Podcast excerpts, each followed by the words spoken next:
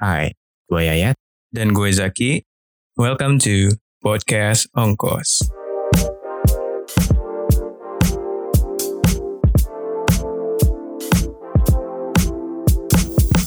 Podcast Ongkos adalah podcast mingguan yang akan menemani malam minggu kamu dengan obrolan-obrolan ringan, hangat, dan menghibur.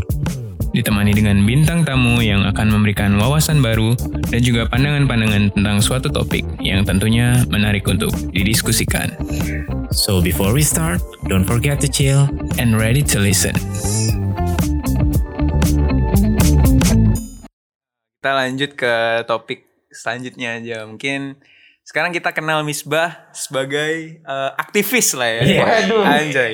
Aktivis kita. Orang sibuk. Orang iya, orang sibuk gitu. Petinggi.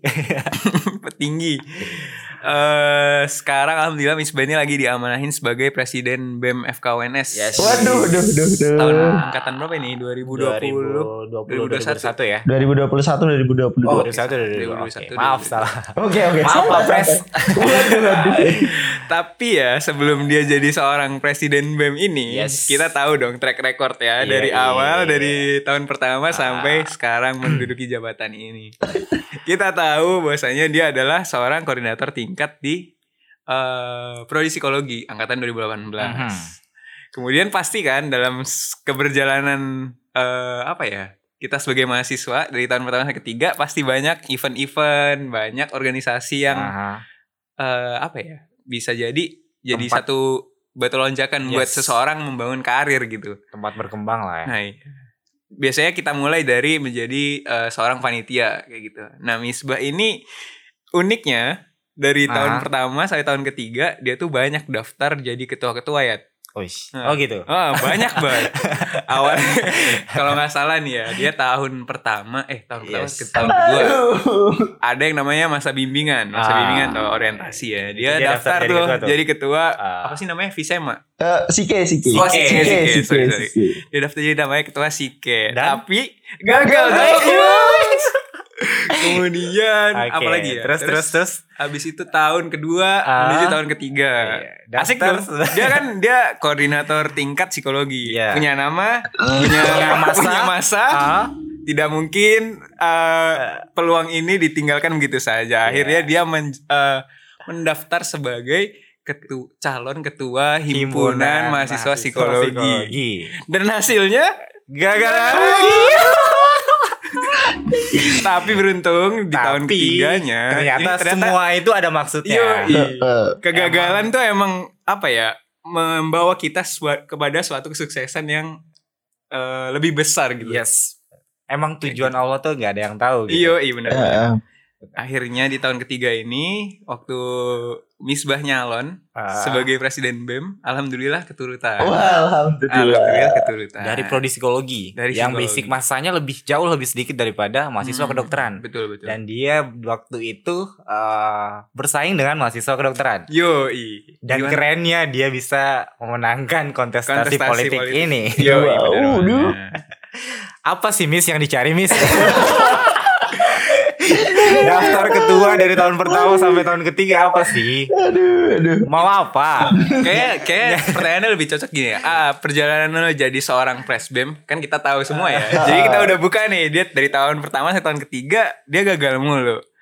Eh, menurut lu apa sih yang eh, lu bisa ambil gitu dari perjalanan lu kegagalan-kegagalan yang udah lu lalui sampai sekarang lu jadi presbem Sial, diundang ke mana-mana jadi pembicara segala macam gitu. Menurut lu gimana nih? Oke, oke. dan itu tadi ya nyari apa. Oke, si kampret-kampret ini ya. Mungkin eh, teman-teman yang dengerin podcast ini mereka berdua adalah orang yang menjadi salah satu saksi hidup ya perjalanan seorang Misbah di dunia perkuliahan itu. Karena banyak aku interaksi juga eh, erat banget ya sama Jaki sama Yayat ini ya. Jadi ya wajar mereka mengetahui kegagalan-kegagalan saya dan seluk-beluknya mereka paham kayak gitu. SBY boleh dimention sih kita deket gara-gara apa kita Oh, nanti. kayak perlu di scale up ini nih Oh, oh. acaranya masih apa ya butuh dukungan banyak orang nih jadi kita harus kita harus masukin di podcast ini Sarana promosi. iya iya bener. gimana gimana? eh bentar gue ralat dikit bukan kegagalan Ah. pembelajaran Pembelajaran, yoi. Oke, mungkin dari pembela- eh, kegagalan ya, kayak yang dibilangnya ayat barusan, kegagalan adalah suatu proses pembelajaran gitu.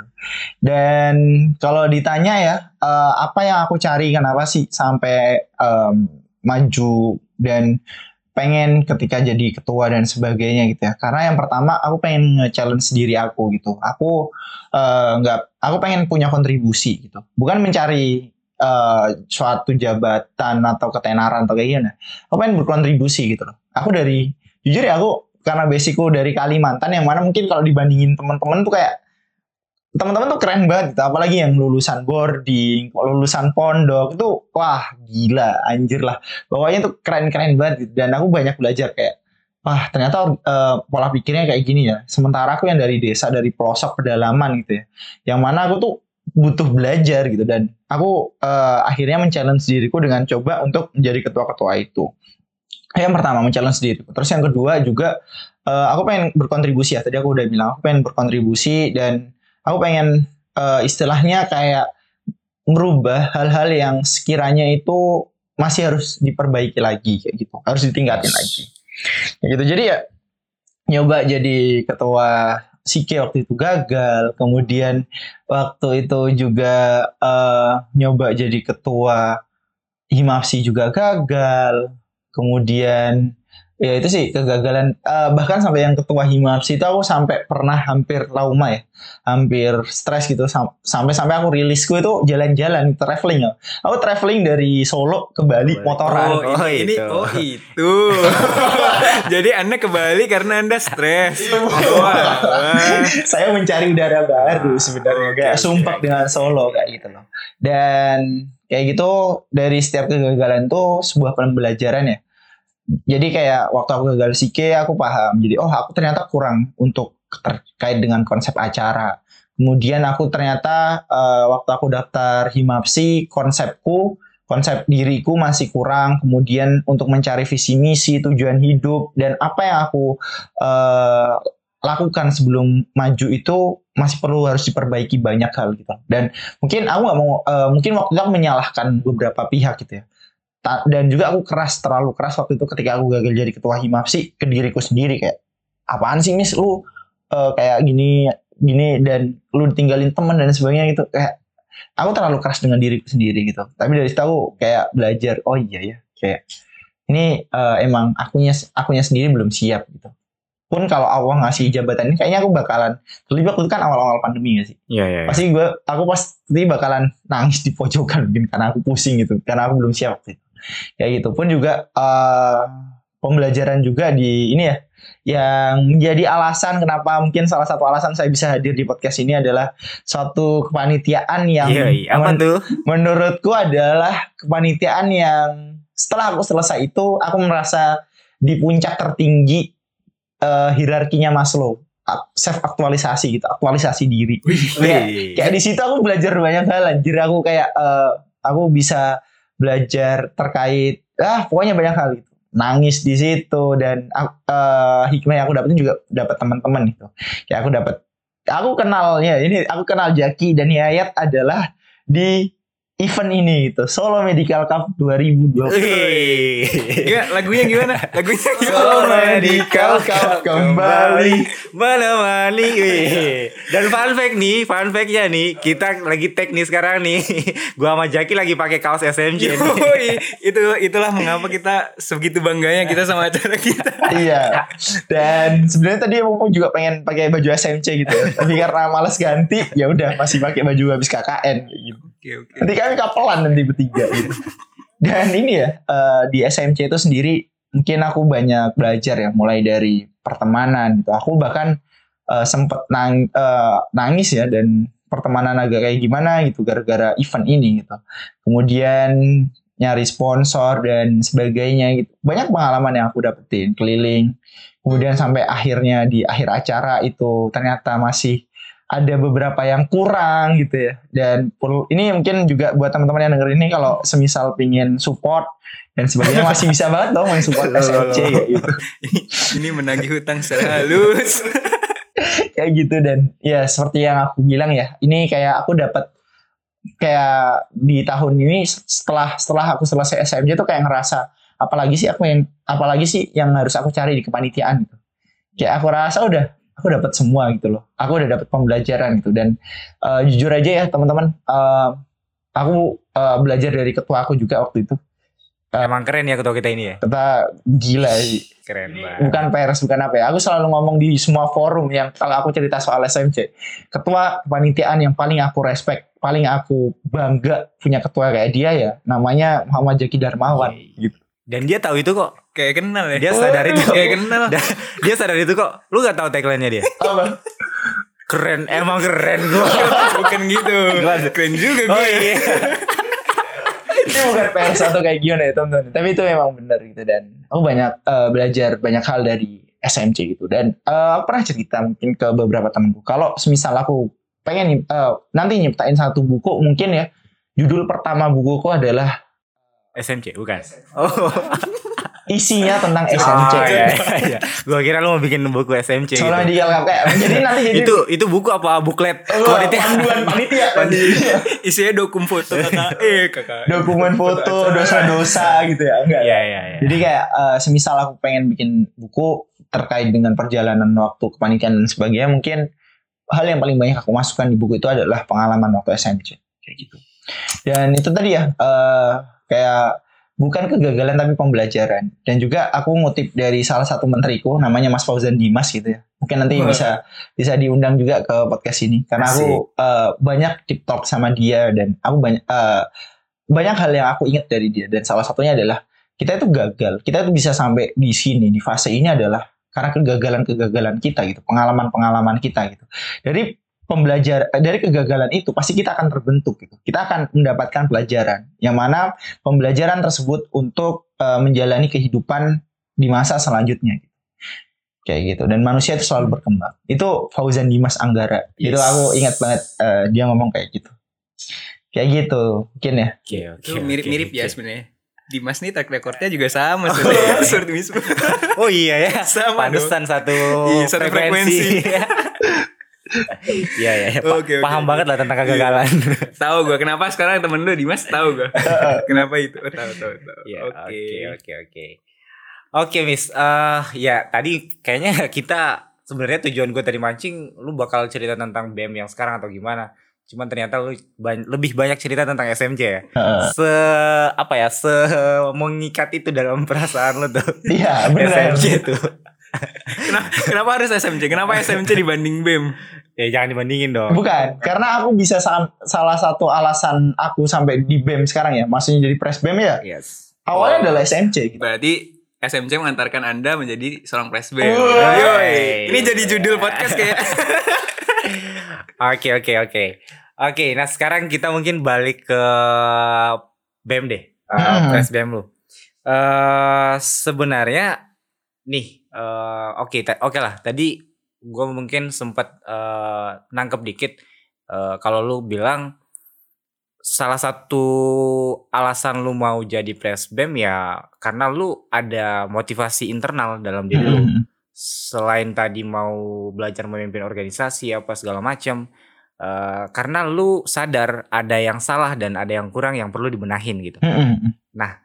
eh kalau boleh tahu itu apa sih dan sekarang gimana setelah setengah keberjalanan pengurus kepengurusan lu Udah berapa hari, Miss? Jadi presbem. Udah, itu enggak nih? enggak, udah setengah periode sih, Yes. setengah periode lebih Ya ah, dua bulan, dua minggu. Oke, gimana? Dan sekarang apakah ke hal apa ya? eh yang memotivasi lu dulu buat jadi presiden apakah sekarang sudah terbayarkan atau gimana menurut lu? Oke, sip. Mungkin eh, izin ya. Jadi kalau ditanyain terkait dengan ini ya, tadi kan aku bilang kalau aku pengen ngerubah suatu hal yang eh, aku rasa itu bisa dirubah gitu. Karena aku dulu ya, karena aku jujur teman-teman eh, di tahun pertama kayak ngerasa apaan sih BEM gitu. Di tahun kedua aku juga masih eh, aku diamanahin ya. Waktu itu bareng-bareng Jaki juga di satu kabinet yang sama gitu. Dan eh, aku ngerasa kayak oh ini emang BEM kayaknya ada nih yang peluang nih bisa diperbaiki dan aku rasa aku bisa untuk memperbaiki itu. Eh, dan mungkin kalau ditanya mungkin ke terkait dengan budaya ya budaya budaya yang ada di BMFK kemudian kayak proker-prokernya aku tuh eh, paling ini ya paling miris ketika teman-teman tuh setelah purna BEM tuh ngerasa bilang aku ini cuma IO aku tuh cuma eh, anak event aja kayak ngerjain proker-proker tapi nggak tahu maknanya gitu. Kayak aku tuh eh, menghindari dan aku paling nggak suka ya dengan ini nggak apa sebenarnya nggak suka bukan nggak suka sama orangnya atau kayak gimana tapi nggak suka eh, organisasi itu membentuk pola pikir seperti itu gitu.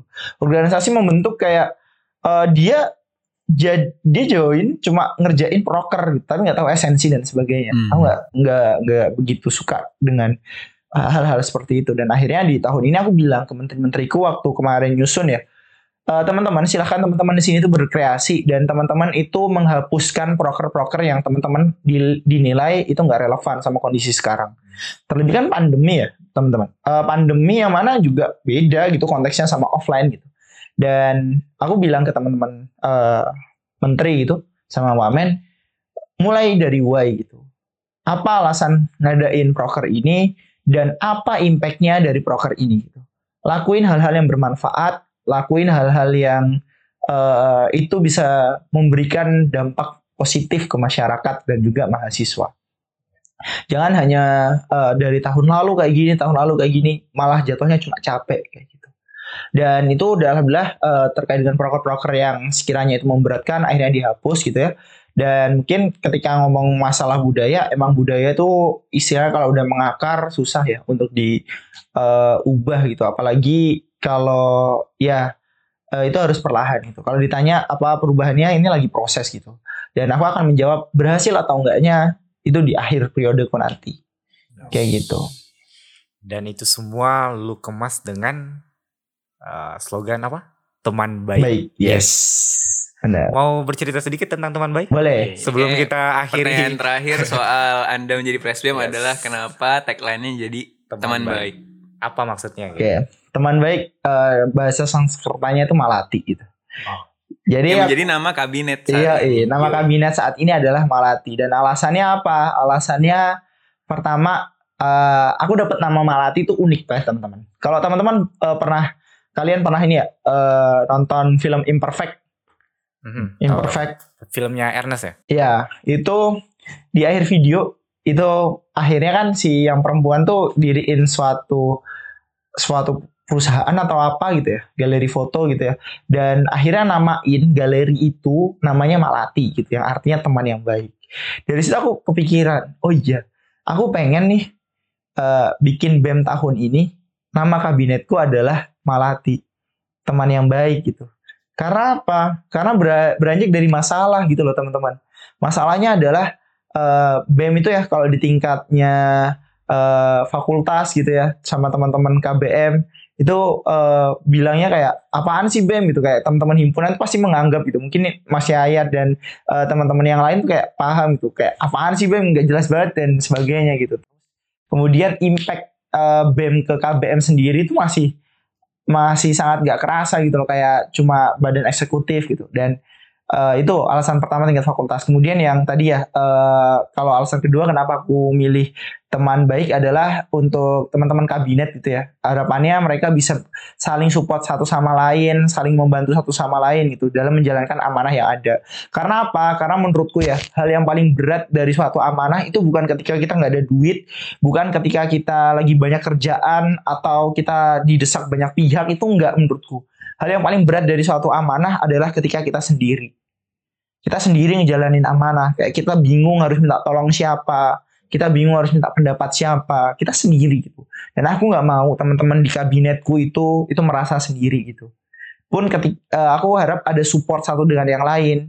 Saling bantu satu dengan yang lain. Kemudian pun pun kalau semisal eh, emang dunia ini kan emang keras ya. Kita nggak bisa eh, naif lah. Dunia emang keras gitu. Dan mungkin ada di fase kita sendirian gitu. Pun ketika sendirian jangan sampai diri kita sendiri itu meninggalkan diri kita gitu. Kita terlalu keras jadi akhirnya nggak sayang sama diri kita sendiri. Harapannya juga teman kita maksudnya eh, teman baik kita adalah diri kita sendiri juga kayak gitu.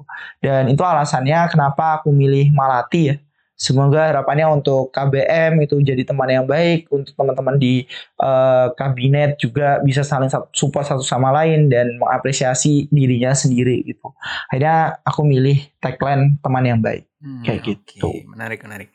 Eh sebenarnya ada satu Menarik topik sih ya. Eh, ada ini nih.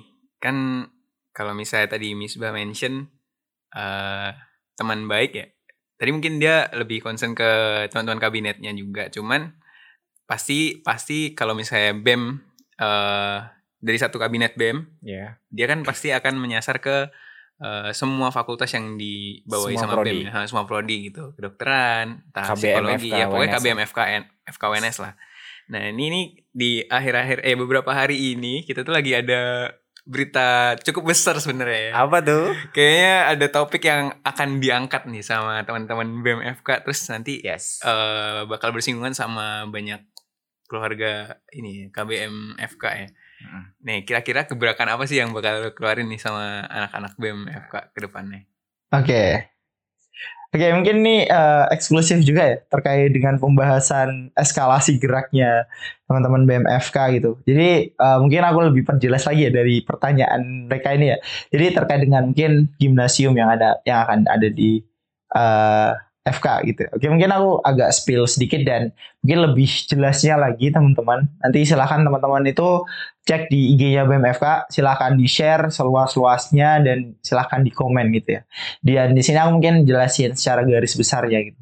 Jadi eh, dari dekanat sendiri itu bakalan di mer- beliau-beliau itu memproyeksikan terkait dengan sebuah gimnasium gitu. Gimnasium ini pun permintaan dari teman-teman dari Kadavers yang mana itu UKM basket dan MFC selaku futsal itu. Eh, Teman-teman Kadavers dan juga MFC itu nggak punya tempat untuk latihan dan akhirnya mengusulkan itu. Nah sebenarnya kita me- menyetujui gitu dengan eh, adanya kayak setuju gitu loh karena itu sebagai sarana juga untuk latihan gitu. Tapi yang dipertanyakan adalah ketika pembangunan itu tapi layanan dan juga fasilitas-fasilitas yang ada di FK sendiri itu masih belum merata. Masih banyak yang perlu diperbaiki. Masih banyak hal yang bisa diprioritaskan lebih gitu. Secara kalau belajar tentang skala prioritas ada hal yang pertama untuk diprioritaskan itu terkait dengan kebutuhan yang paling mendesak itu apa gitu. Nah, eh, kita kan pandemi ini ya dan eh, ya mungkin ya eh, nggak tahu tahun depan atau semester pertengahan semester ini bisa offline atau kayak gimana kita nggak tahu. Nah, eh, otomatis ketika perkuliahan nanti udah offline, mau nggak mau kan fasilitas terkait dengan gedung dan sebagainya itu harus merata gitu ya. Tapi kenyataannya di beberapa gedung dan juga lab itu masih kurang itu. Ada salah satu gedung itu yang papan tulisnya itu nggak ditempel di tembok tapi disandarin di kursi gitu loh.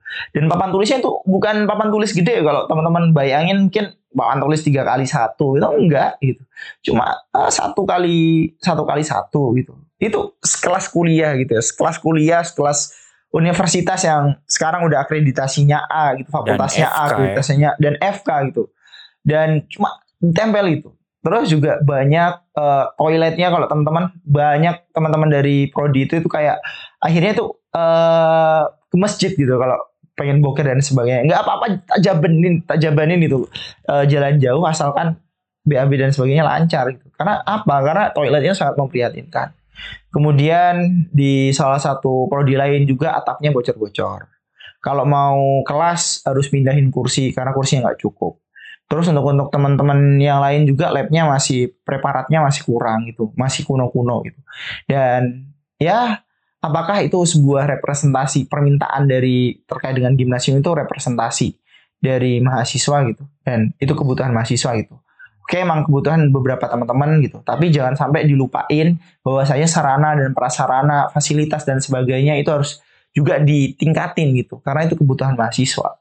Dan dari teman-teman BEM dan teman-teman himpunan dan UKM keluarga besar mahasiswa pengen bergerak untuk eh, meminta kepada eh, Bapak Ibu dekanat untuk memperbaiki fasilitas. Kita tahu emang nggak bisa di tahun ini kita memperbaiki fasilitas, tapi kita bisa mengusulkan terkait dengan perba- perbaikan fasilitas-fasilitas yang ada di FK. Jadi tahun depan itu bisa langsung dibangun, tahun depan bisa direalisasikan. Karena ketika kita nggak ngelakuin itu, itu mungkin juga tanggungan bagi kita sendiri ya sebagai kakak tingkatnya yang nggak memberikan fasilitas terbaik atau layanan terbaik untuk adik-adiknya. Dan jika dibilang itu bisa apa enggak, jawabannya adalah sangat bisa. Karena apa? Karena FK adalah penyumbang SPI tertinggi di universitas. Kayak gitu. Jadi uh, kemungkinan untuk pembangunan fasilitas dan sebagainya itu itu sangat mungkin. Kayak gitu. Dan untuk uh, info selengkapnya terkait dengan pengawalan isu ini, teman-teman sekali lagi bisa ngecek di IG-nya BMFK ya. Jangan lupa share, komen, kemudian like juga ya.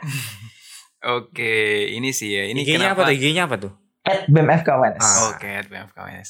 Ini ini kenapa pentingnya ada orang-orang kayak Misbah, ada orang-orang yang rela mengorbankan waktunya jadi anggota BEM, Dan jadi anggota himpunan, gua- jadi anggota UKM. Gue Kayak gitu. cukup terkagum sih dia tahu detail-detail bagian ruangan-ruangan Iya. tadi ada ternyata di prodi lain ada yang eh, atapnya bocor, kemudian ada yang papan tulisnya cuma disanggap pakai Hmm. bangku dan segala macamnya. Itu gabut apa belusukan? ya itu itu, Ya, itu tapi sih itu itu keren lah. Ini bercanda ya teman-teman. Uh, itu keren nih. Maksudnya it, poin yang gua ambil adalah itulah kenapa kita butuh orang-orang yang uh, emang mereka concern gitu. Yes. Ikutan BEM, ikutan Ah. himpunan, ikutan UKM ya. Kita doain aja buat ke depannya teman-teman Ya. yang berjuang buat anak-anak BEM, himpunan Ah. dan UKM-UKM lainnya buat uh, topik ini nanti bisa apa ya sukses bisa lancar sama ke depannya apa yang mereka lakuin semua bisa jadi amal ibadah kali ya. Anjir. Amin, amin, amin, amin, amin. amin. Eh sebelum lu tutup Jack, eh ya gue ada salah satu quote Yoi boleh boleh. Boleh, boleh. atau eh, belum ya, belum. Ini aku keinget tadi kalau semisal kalian ngomongin terkait dengan organisasi dan sebagainya. Hmm, Yes. boleh, boleh. Kemarin tuh eh, salah satu alumni Mas Hasmi itu bilang gini. Ketika kita melakukan hal yang nggak dilakukan orang lain, maka kita akan mendapatkan suatu hal yang nggak didapetin oleh orang lain. Kayak gitu. Dan Allah pasti akan memberikan eh, hal yang terbaik untuk kita gitu. Dan kebaikan itu akan selalu berotasi. Jadi jangan bosan untuk berbuat kebaikan. Gokil. Tepuk tangan dulu. Sabi, sabi. Ini gak ada efek-efek yang itu ya. Kalau kita caster beneran. Belum modal kita. gitu. Belum modal. Ntar diedit aja bisa ya. Oke, menarik, menarik banget, menarik banget eh, cerita lu sebagai seorang pres BEM, kemudian gimana cara lu ngebawa pres eh, BEM kabinet BEM sekarang, eh, terus concern lu terhadap eh, KBM FKWNS itu gue akuin top lah, keren.